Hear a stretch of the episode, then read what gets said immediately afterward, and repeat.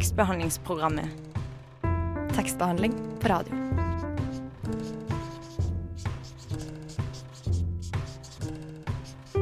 Tekstbehandlingsprogrammet.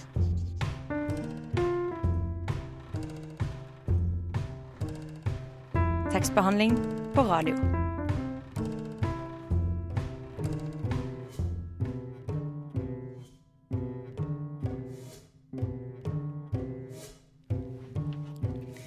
Hei og velkommen til tekstbehandlingsprogrammet, Radio Novas beste og eneste litteraturprogram. Tema for denne onsdagens sending er selvhjelpsbøker, og vi får besøk av forfatter Randi Skaug. Og I tillegg til det skal vi også høre et intervju med den flinke nordnorske artisten Moddi. Jeg heter Mari Nyberget, og med meg i studio har jeg deg, Stine Spjelkavik Hansen. Og Stine, hva slags forhold har egentlig du til selvhjelpsbøker? Vel, altså, Før i forrige uke så hadde jeg aldri lest ei eneste selvhjelpsbok. Og jeg trodde vel aldri at jeg skulle komme til å gjøre det, heller med mindre jeg begynte å slite skikkelig skikkelig mye. Uh, og jeg tror kanskje at jeg ikke er den eneste som på en måte har litt fordommer mot uh, den type bøker. Nei, men det er ikke helt sikkert det stemmer, for selvhjelpsbøker er faktisk noe av det mest utlånte på bibliotekene i Norge. Uh, og det finnes jo utallige varianter og versjoner av uh, bøker som kan hjelpe deg. Og etter uh, sangen 'Body' av L. Watson, så skal vi snakke litt med en forfatter om nettopp hennes selvhjelpsbok. Hallo, mitt navn er Knut Nærum, og du hører på tekstbehandlingsprogrammet. Jeg går i hvert fall ut fra at du gjør det. Det var L. Watsons første låt 'Body', som handler om en moderne versjon av Stockholm-syndromet. Og nå har vi fått besøk av eh, forfatter Randi Skaug. Velkommen til deg. Takk skal du ha. Eh, Randi er eh, siviløkonom, forfatter og eventyrer, og var den første norske kvinne som nådde toppen av Mount Everest. Og hun har skrevet boka 'Finn kongefølelsen', gjør hver dag til en god dag blant annet. Uh, og Randi, hva slags forhold hadde du til selvhjelpsbøker før du skrev din egen bok? det blir sikkert feil å si at det var dårlig nå.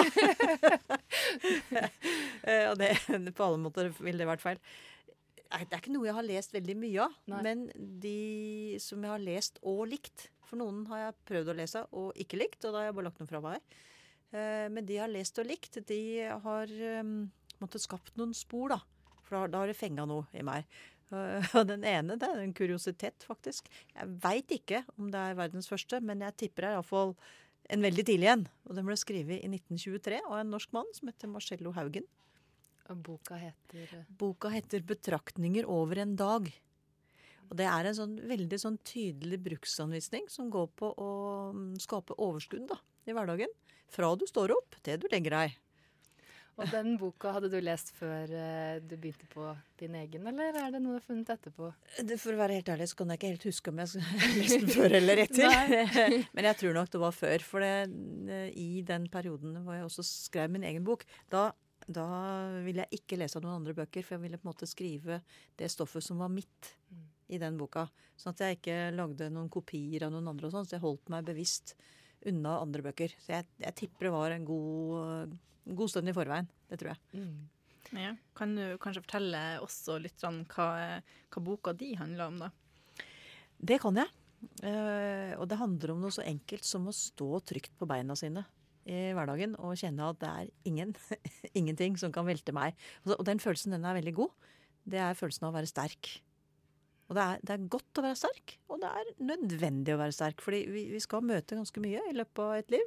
Når vi er ung, så, så det går liksom alt liksom veldig greit der går det. Men etter hvert så, så, møter vi veldig mange utfordringer. Det kan være ulykker, sykdom, øh, kanskje blir jobben borte, eller øh, du gjør noen ordentlige tabber. Kjærligheten forsvinner, eller ja, kanskje er det døden som tar siste kyss. Og når vi møter på disse tinga, så, så, trenger vi av og til hjelp. Enten det er han å holde i, eller øh, kanskje noen permer å titte mellom. Ikke sant. Eh, vi skal snakke litt mer om det etter at vi har hørt sangen 'Killer' av Ida Kudo fra denne ukas A-liste her på Radio Nova. Hallo, Chartersveien her. Jeg passer jaggu meg inn i tekstbehandlingsprogrammet også. Jeg syns at døra bør stå på gløtt. Tekstbehandlingsprogrammet holder døra oppe for alle. Lar du døra di være Du hører fremdeles på tekstbehandlingsprogrammet, og vi har fortsatt med oss forfatter Randi Skau. Og Randi, hva slags motivasjon hadde du egentlig for å skrive boka 'Finn kongefølelsen'? Det er, det er en historie i seg sjøl. det, det var sånn at um, etter at jeg hadde vært på Everest, så holdt jeg et foredrag som Og jeg holder masse foredrag. Eh, og det foredraget ja, reiser rundt med overalt. Og så plutselig så kommer det en fyr til meg og sier at hva er det du gjør som er annerledes enn det vi andre gjør? For du bestemmer deg for noe, og så gjør du det. Mens vi andre vi bestemmer oss for det ene og det andre, og så glemmer vi det.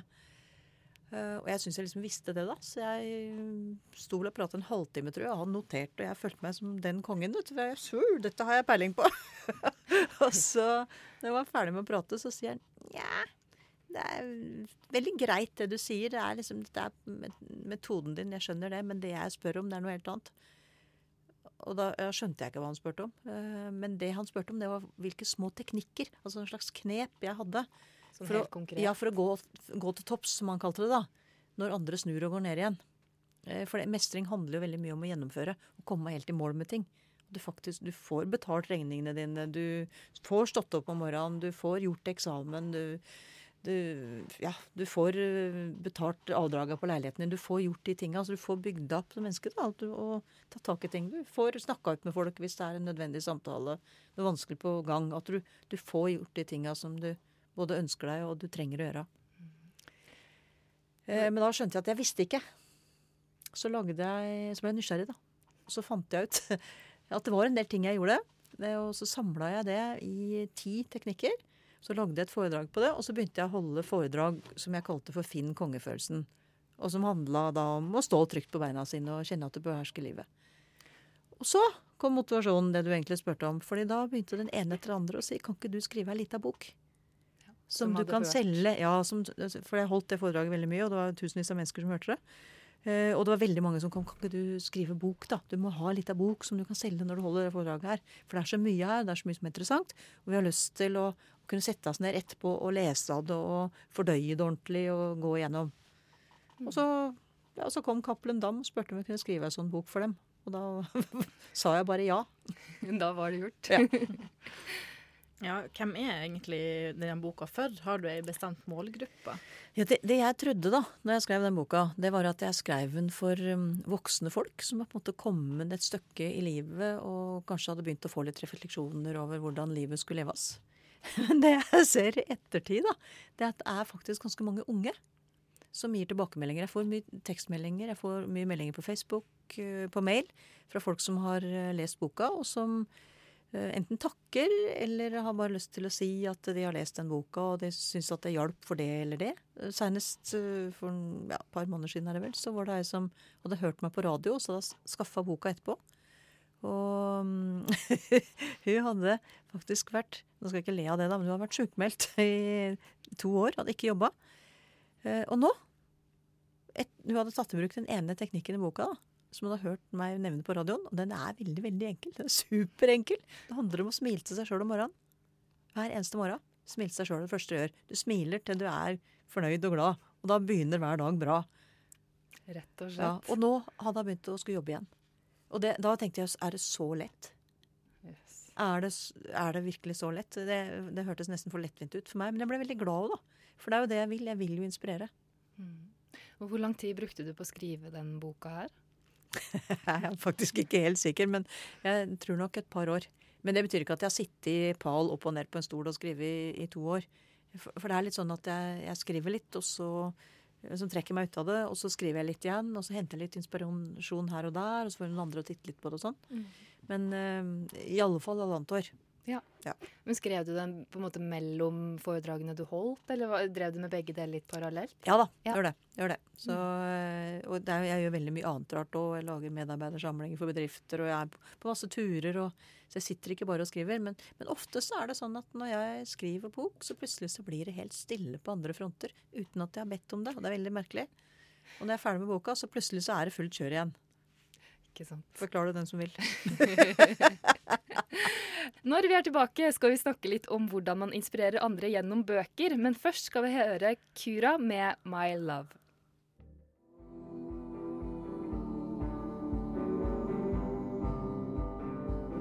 Tekstbehandlingsprogrammet når du vil lese med ørene.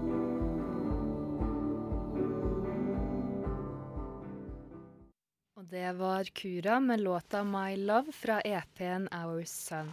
Og her i tekst tekstbehandlingsprogrammet har vi fortsatt besøk av forfatter Randi Skaug. Og Randi, hvordan inspirerer man egentlig andre gjennom en tekst eller en bok? det må de nesten svare på, noen som leser boka, da. Eh, men det er helt tydelig. Jeg har fått veldig mye tilbakemeldinger på den boka, og den kom jo ut i 2013, så det er faktisk en del år siden. Og jeg får fortsatt tilbakemeldinger fra folk som har lest den, og som sier at uh, de, de, bruker det uh, konkret i hverdagen. Sitter og leser litt og litt, og så bruker de det omtrent som en sånn bruksanvisning. Uh, så jeg tenker hvis en skal skrive ei sjølhjelpsbok, så bør den vel være konkret. Det Cappelen Dam ba om da jeg skrev den, at den skulle være inspirerende og instruktiv. Så det de hadde lyst til, da, og grunnen til at de spurte meg, det var at de tenkte at jeg hadde historier som jeg kunne fortelle. Uh, og historier, det blir jo veldig konkret for oss. Vi klarer å se det for oss. altså Det blir liksom litt sånn visuelt. Og når det, det instruktive, da. Det at man kan bruke altså Sette deg ned og forstå og bruke det. Uh, så blant annet en sånn teknikk som jeg har, da, som jeg, som jeg syns er litt morsom å dele, det er en sånn slags skala som går opp fra én til ti, og som du kan bruke. Og da er ti, da har du det helt knallbra. og null, da har du ikke lyst til å stå opp, ikke sant. Og så et eller annet sted der så ligger det som på en måte gir deg en god dag. Det kan være en sekser eller sjuer eller åtter eller nier. Der er vi litt forskjellige. Noen vil være veldig høyt opp, noen veldig lavt. Men hvis du bruker en sånn skala og setter deg tavle i gangen, og så fører, ringer du rundt, da. I dag var det en treer. OK, det er, det er litt kleint. Når jeg har det bra, så er jeg på en åtter. Så da er det som gapet mellom tre og åtte. Hva er det jeg skal gjøre med det da, for at det skal bli bedre? Og det er jo ikke sånn at du, du må være konstant lykkelig, for det er ingen som er. Men, men det å måtte klare å, å trosse frykten som gjør at vi av og til har det dårlig, at vi klarer å gå tvers igjennom frustrasjon og smerte som gjør at vi har det dårlig, og at vi klarer å legge kjærlighet i det vi gjør. Altså at vi legger inn godhet og sånn, det gjør jo at vi får en mye bedre dag. Og det tetter det gapet. Og da har du et redskap, da. For ofte så skjønner vi ikke hvorfor vi er dårlig. Men den er med på å gjøre den der skalaen er med på å skjønne, eller få oss til å skjønne om vi har bra eller dårlig, og da går det an å ta tak i det og kjenne litt etter. Mm. Eh, men syns du det er vanskeligere eller lettere, eller kanskje likt å inspirere gjennom eh, bokform eh, kontra å holde foredrag? Når boka først er ferdig, så er det lettere, for da, da er det et sjølspillende piano. ikke sant? Det går videre av seg sjøl. Men, men for, altså det å lage et foredrag, det tar lang tid. Det tar en to-tre år før et foredrag er bra. Syns jeg. Bra nok. Og jeg har høye krav til det jeg gjør. Det skal være liksom fem pluss på en skala til seks. Eh, og det betyr at jeg må jobbe mye med det. Jeg må utvikle det hele veien. Eh, og det å stå og holde et foredrag det tar bestandig ekstremt mye krefter. Det tar mer krefter å holde en times foredrag enn å jobbe en hel dag på åtte timer.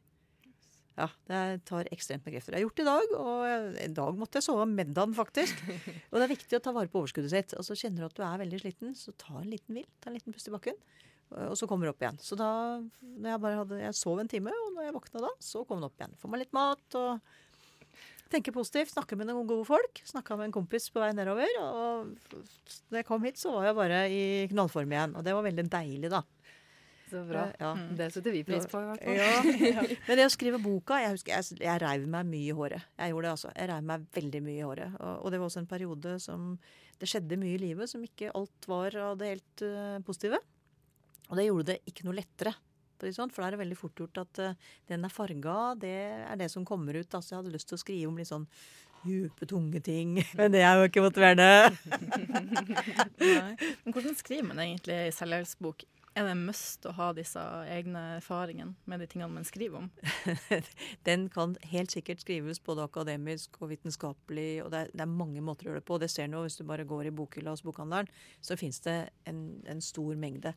Så jeg har på en måte ikke svaret på, på hvordan det skal skrives, men sånn som jeg skriver det da, så bruker jeg mine erfaringer, for det er det jeg kan. Uh, og det med kongefølelsen, det, det funker for meg. Uh, og da tenker jeg at da kan det funke for andre òg. Uh, noe har jeg lært andre. Eh, ganske mye jeg har lært av Willy Railo, som var en foregangsmann innenfor mental trening i verden. Ikke bare i Norge, men han var norsk. Han sto bl.a. bak eh, Ingrid Kristiansen og hennes eh, mentale trening når hun ble løpedronning i verden. Og Jeg var så heldig å møte han da jeg var sånn rundt 20 år, og, og det var på en måte livsendrende for meg. Ikke bare på en måte, det var livsendrende. Han lærte meg å visualisere. Han lærte meg å sette farger på tankene mine. De blå tankene, det var de som jeg trodde andre forventa meg, og de røde tankene var det som jeg forventa av meg sjøl. Uh, og jeg har etablert sånn to små dyr, ja. det røde dyret og det blå dyret. Og det blå dyret det er det jeg tror andre forventer. Der ligger bør, må skal. Og det røde dyret, der ligger eh, jeg tør, jeg kan og jeg vil. Og det er det som jeg tenker, og det, det er hvor vilja mi og trua mi ligger. Og jeg ser at disse diskuterer seg imellom, og da foregår det på yttersida av kroppen. Så jeg ser det, mens hos alle andre heter det indre dialog. Eh, vi skal snakke litt mer om selvhjelpsbøker etter musikk. Dog is Dead høres ganske brutalt ut, men det er faktisk et av mine favorittband, og her får du høre dem med låta Young. Radio Nova FM 99,3 og radionova.no. Det var britiske Dog is Dead med låta Young vi hørte der. Eh, og om selvhjelpsbøker fungerer, har jo vært eh, litt omdiskutert. Og tror du er de egentlig til hjelp, Randi? Jeg får iallfall veldig mye tilbakemeldinger om at det er det. Eh, jeg ble spurt om liksom, har du noe vitenskapelig bevis. Nei, det har jeg selvfølgelig ikke. Eh, men min målsetting er ikke å tjene penger på det. Og det tjener ikke så mye penger på det heller, for det skal veldig mye til før man tjener penger på bøker. Litt blir det, for jeg selger mye bøker når jeg holder foredrag. Da vil folk veldig gjerne ha. Da selger veldig mye bøker. Eh, men eh, det jeg tenker de eksemplene da, på at folk tar kontakt med meg og sier at dette her har hjulpet meg ut i jobb igjen, eller dette har gjort at jeg klarte å komme gjennom den og den krisa. Noen har kanskje mista kjæresten sin eller har vært i en eller annen trøblete situasjon. Og når de forteller at dette her hjalp meg, og nå leser jeg den igjen, for nå trenger jeg det på nytt. Liksom. Det er det som forteller meg at jo, det virker jo faktisk. For, men det er ikke sånn at det, det er, en, det er ikke noe mirakelkur. Du må gjøre jobben sjøl, men kanskje du kan hente den vesle inspirasjonen som gjør at du klarer litt bedre å gjøre den jobben sjøl. Mm. Men forstår du at det er folk som på en måte er kritiske til, til selvhjelpsbøker som fenomen generelt? Ja, selvfølgelig. fordi at det ligger veldig mye sånn, Det var derfor jeg dro inn dette med penger. Det mm. ligger mm. veldig mye sånn kommersialisme i det. Eh, og jeg veit eh, om noen som jeg er veldig kritisk til sjøl, for å si det sånn. Det er noen som jeg har prøvd å lese av, som jeg bare fikser ikke. og særlig noen av de amerikanske, men også noen av de norske. Eh, og jeg, jeg tenker også at noen av de som, som er, har som målsetting at du skaffer deg ting, ligger ikke innenfor min gate. Det som har som målsetting at du bare skal dyrke enere, ligger heller ikke innenfor min gate. For det sier seg sjøl at da er det veldig mange som blir skuffa. Det blir bare én en ener. Mm. Men de som har til hensikt at du skal få et ålreit liv, og har det på en sånn skapelig måte, da. Og klarer å beskrive hvordan du kan gjøre det. Gir deg noen gode råd uten at det blir for religiøst eller overtroisk eller hva du vil. Men bru, bruker konkret metodikk. Som, for, for det, jeg tror alle trenger hjelp en gang iblant. Jeg òg gjør det. Jeg har hatt bruk for sånne bøker sjøl, jeg. Marcello Haugen. Ikke sant. Da jeg leste den, så trengte jeg den. Og jeg tror det var derfor jeg leste den akkurat da òg. For hadde jeg ikke trengt den, så hadde det ikke vært interessant. ikke sant? Men akkurat da trengte jeg den, og da var det veldig interessant. Mm. Eh, og i boka di 'Fin kongefølelsen' så skriver du bl.a. Eh, at hva som eh, var viktig i livet, framtrådde mye tydeligere for deg eh, da du skrev boka, enn det det gjorde da du var 20. Eh, blant annet så skrev ja, kjørte i 120, og livet bare var noe som ble til underveis. Og vi er jo i 20-åra, så vi lurer jo veldig på hva som har endra seg. Ja, dere kjører i 120, dere, vet du. Vel. Nei, jeg, jeg, tror det som hadde endra seg, det er jo noen år på baken, da. Og med de åra så kommer også refleksjonen, og det blir mye, mye tydeligere eh, at det meste det gjør av valg og gjerninger, det har en konsekvens. Uh, og det, du trenger rett og slett bli litt voksen for du skjønner det. uh, Iallfall trengte jeg det, da. Mm. Um, og det, jeg ser på en måte litt sånn mer helhet. Og, og, det er faktisk utrolig behagelig å bli litt voksen. Uh, det ene er at en gir litt mer faen, rett og slett. Det er ikke så viktig hva andre tror og mener. Uh, og så, så, er det litt tydeligere hva Altså, jeg har lært litt da, gjennom åra. Hvis jeg gjør sånn, ja, så går det sånn. Og det, det er litt fint. Jeg syns det er litt deilig. Det er godt å bli voksen. Det er eh, Ja, nei, det er bra. Mm. Men hvis du skulle trukke fram ett råd fra boka di for å gi til oss og lytterne, hva, hva slags råd ville det ha vært? Ja, det, det, det, er, det, er, det er veldig enkelt. det, er, det er på en måte standardrådet mitt. Det er å smile til seg sjøl hver eneste morgen. Strekke armene over huet og smile så bredt at du nesten sprekker. Eh, for da får du serotonin i blod, og det er det samme som er i lykkepiller. Og Det betyr at du får en dose hver morgen. Den koster ingen verdens ting. og den funker faktisk midt på, dagen òg. Og hvis du da tar den til den som ligger ved siden av deg, hvis du er så heldig at du har noen der, så blir det to som smiler på starten på dagen. Sant. Men det så oppfordrer vi alle våre lyttere til å smile litt en onsdagsmorgen. Dere ble kjempeblide nå! La dere merke til det? Ja, ja Snakke om smil som bare Du smitta veldig, kjente det. Ja. Ikke sant. Eh, men det har vært veldig hyggelig å ha deg på besøk, eh, Randi Skau. Tusen takk for at du kom. Takk for at jeg fikk komme. Mm, og takk for godt tips. Bare hyggelig. Bruk det. ja. Og nå skal vi høre på den fine sangen 'Krokstavedne' av den nordnorske artisten Moddi. Eh, og der hørte du Moddi med sangen 'Krokstavemne'. Og nå skal du få høre da vårt redaksjonsmedlem Robin snakke med Pål Moddi Knutsen om den nordnorske dikteren Helge Stangnes. Yes, takk, og velkommen, Moddi. God morgen. Um, det er en stor ære å ha deg i studio. Um, du er 28 år, tror jeg. Åh, oh, ja, i ei uke til. Ja. Og det går til helvete med oss alle. Nei, det går jo fint, det.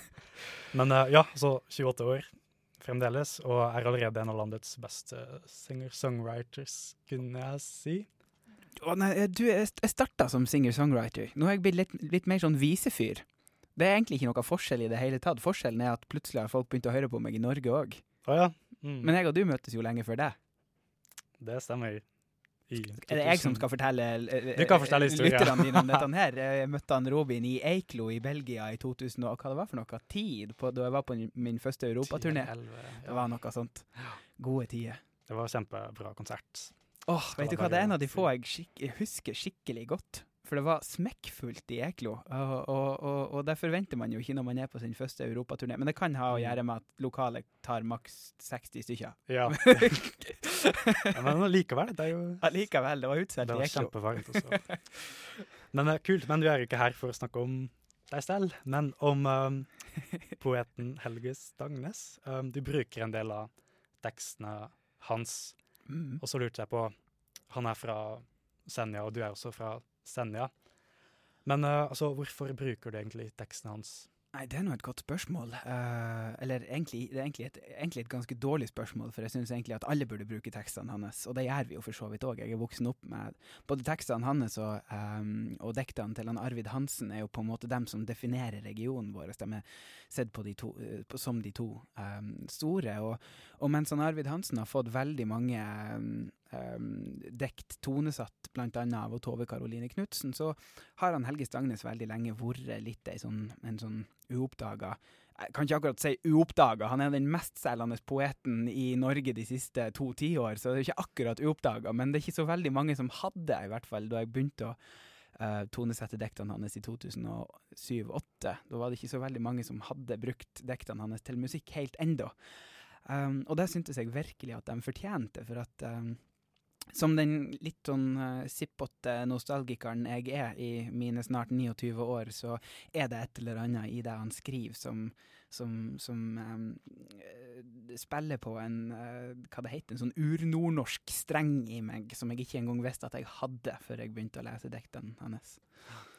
Altså, diktene er jo skrevet på Senja-dialekt, og en del av tematikken, altså en del av dem avspiller seg på Senja, virker det som. Eller i Nord-Norge. Jeg tror de fleste av dem gjør det. Ja, ja. Men altså, hvorfor syns du da at liksom hele Norge bør lese og bruke dem? Er, ikke, er, er de ikke for regionale? For sted, stedspesifikk? Ja. Jo, men jeg tror jo at, uh, at, alle i landet har godt av å lære av hverandre. Um, ikke, bare, ikke, bare, jeg har godt av å lære av plassen jeg kommer ifra, um, sånn som den var da Helge vokste opp, men, men, men, men, at vi òg har godt av å, av å um, holdt på å si, sette, sette, oss inn i hverandres kultur. Det er Altså, uh, egentlig hadde jeg ikke tenkt til å bruke de diktene til han Helge til noe som helst, men så flytta jeg til Telemark da jeg var uh, 24-25 år gammel og oppdaga hvor utrolig flink de var til å ta vare på kulturarven sin. Og da ble jeg skitinspirert uh, av, av folkemusikken der og av Odd Nordstoga osv. Og, så videre, og bare tenkte at vi må jo ha noe som ligner på dette. Altså, det, jeg ble jo møtt av en massiv vegg av fantastisk musikk da jeg kom dit, og, og Senja er så stille. Mm. Skal grunnlegge denne uh, senjaske musikktradisjonen på en måte? Eh, altså, den er jo ganske lang fra før av, egentlig. Eh, det er bare jeg som har vært forferdelig ignorant. Altså, Diktene til Helge Stangnes virker ganske melodiske når man leser dem, og mange av dem heter også salme, vise eller vals eller noe sånt. Mhm. Um, så lurte jeg på åssen gjør de det når, de, når du skal bruke en sånn tekst? Ja, Hvordan oppdager du den melodien som passer ved dem? hvordan gjør du det? Eh, det er egentlig veldig enkelt. Um, jeg setter meg ned, jeg leser diktet, og så kommer det en melodi. Så fort har det gått hver gang jeg har tonesatt et av diktene hans. Eh, Det har tatt under ti sekunder hver gang. Um, akkurat på grunn av det du sier, han skriver utrolig Han skriver melodisk. Eh, Han skriver ikke bare rytmisk, men han skriver melodisk, syns jeg. Um, Hva jeg- du mener med det? Nei, jeg mener at altså, når, du, når, når, når jeg synger sangene hans, så er det jo nesten bare som om jeg leser dem opp uh, med akkorder. Altså, altså 'Kirkegård ved havet', som, som er et av yndlingsdiktene mine i hele verden. Jeg, jeg, altså, jeg sang det jo 'Sola flyt som gull i disen', men hvis du skulle ha lest setninga opp, så hadde det vært omtrent 'Sola flyt som gull i disen'. Der vi ror oss inn mot Altså, det er nesten bare å lese opp til deg sjøl, og så tar du og pinpointer et par sånne par toner til ekstra, så har du på en måte en ferdig melodi. Altså, det er, jeg har ikke gjort noe som helst. Det er han som har gjort det. Um, den siste, eller det siste albumet ditt, 'Hvem var du?', mm. er jo oppkalt etter Kjerkegård ved havet. Mm. Og, så, og det diktet det handler om eller en som ankommer på en øy, og så er det en kjerkegård, og han lurer på hvem disse menneskene var som ligger der begrava i årevis. Mm. Hva betyr denne, dette diktet for deg? Ja, altså, som sagt så er det jo et av favorittdiktene mine i hele verden. Um, særlig av at den kirkegården som han Helge skriver om, den heter Kongsnes. Um, Kongsnes ligger tre-fire kilometer unna den eh, bygda som jeg vokste opp i. Um, men i motsetning til eh, de bygdene som, som er på Senja nå, så fikk aldri Kongsnes noe vei. Derfor ble hele bygda forlatt på eh, 50-60-tallet. Um, og man kan fortsatt gå dit. Det er en times gåtur over fjellet. Um, og det som da møter deg, er akkurat denne kirkegården som han Helge skriver om. Uh, men det tar Altså, det tok meg to timer å finne den. For at han er så nedsarva og forblåst og, og, og, og, nedgrodd. Uh, han ligger på bunnen av en bregneskog, uh, og han er enorm. Det står gravstøtte i alle retninger, og der er navn og bilder, og det er så trist og så vakkert på en gang. Um, og, og, og, når jeg går der, så tenker jeg på um, tenker jeg på de, de bygdene som, som vi driver og flytter fra nå. Jeg mener, da jeg var født for 28, snart 29 år siden, så, så, så, bodde det, så bodde det 2500 mennesker i kommunen vår. Nå er vi snart nede i 800. Um, jeg lurer på hvordan min bygd kommer til å se ut om, om 25-30 år. Jeg vet ikke. Men uh, ja, nei, det er, noe, det er noe universelt trist over alt han skriver. Dessverre. Ja, og som Du har kanskje lyst til å lese et dikt, fortalte du til meg. Ja. Har du fremdeles lyst til det? Jeg må jo prøve meg, holdt jeg på å si. Altså, jeg tenkte jeg skulle, jeg skulle lese et dikt fra den siste boka hans, som heter 'Vintersang'. Um, og problemet med dette diktet var at han Helge sendte meg det ganske um, Nå har jeg ikke briller på meg, så jeg ser jo ingen verdens ting. Uh, men Helge sendte meg det ganske, ganske tidlig, altså lenge før boka ble gitt ut, um, og spurte om jeg ikke kunne tonesette dette diktet. Men det er et av de få der det ikke dukker opp noe melodi, og det, det er en enkel grunn til det. Og det er at teksten er så sterk i seg sjøl at han trenger pokker ikke noe melodi. Han skal leses. Så jeg får nå bare prøve meg. Nå klarte jeg å finne frem, så nå får jeg bare stappe nesa ned, langt ned i boka. Skjønner, jeg er jo blitt 29 år gammel, så jeg har ikke så godt syn lenger. Så det, nei da, det går utfor meg, altså. Eh, men i alle fall, det er um, et dikt han har skrevet som heter 'Tid til å vente'. Jeg hørte det første gangen på ei samling for Folkeaksjonen mot oljeboring uh, utafor Lofoten, Vesterålen og Senja. Um, um, og um, vel, jeg tror det var en grunn til at han leste det diktet for første gang der. Så jeg, jeg, jeg prøver meg. Vi lånte vår tilmålte knappe termin fra evighetskonto av tid. Vi arva en klode, en blå amorin, en hage i full harmoni. Så, så skapte vi grense, så skapte vi kvalm. Så skjenna vi kloden med bly og napalm. Men jorda har tid. Hun ber bare om millioner av år, så få som hun trenger for å grø sine sår. Men vi må ha tid til å vente. Vi arva en klode, men pinte den ut, på jakt etter snarkjøpt gevinst. Men jorda kan fort bli en strengere fut, med straff der vi venter det minst. Når skoger ligger avsvidd, når havet er tømt, når alt er tynt ut av det fjellet har gjemt. For jorda har tid. Jorda kan bruke den stunda hun trenger, av sekler og årmillioner i fleng. Men vi må ha tid til å vente. Vi lånte en rikdom og trodde oss rik, men glemte at lån er et lån. Vi skulle forvalte, men svarte med svik. Protester ble avfeid med hån. Men vel kan det hende at Tellus i tross skal seile sin bane en dag uten oss. For jorda har tid. Jorda har tid til å grø sine sår, så lenge som sol over himmelen går. Men tok vi oss tid til å vente? Tusen takk, Moddi. Der hørte du Moddi med sangen 'Kjerkegård ved havet' fra plata 'Hvem var du'. Ja, og det var det vi hadde i tekstbehandlingsprogrammet for denne gang. Men frykt ikke, vi er tilbake neste onsdag til samme tid, og da skal vi annet snakke om hva en roman egentlig er. Tusen takk til dagens gjest, Randi Skau. I studio i dag var meg, Mari Nyberget. Og med meg hadde jeg Stine Spjelkavik Hansen. Intervjuet med Moddi var av Robin Van de Valle, og vår flinke tekniker var i dag som vanlig Oda Archer. Vi høres på Radio Nova FM 99,3 neste uke. Ha en fortsatt fin onsdag.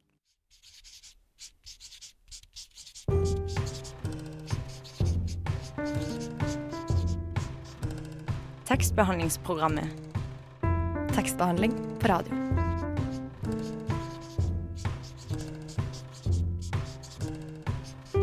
Tekstbehandlingsprogrammet.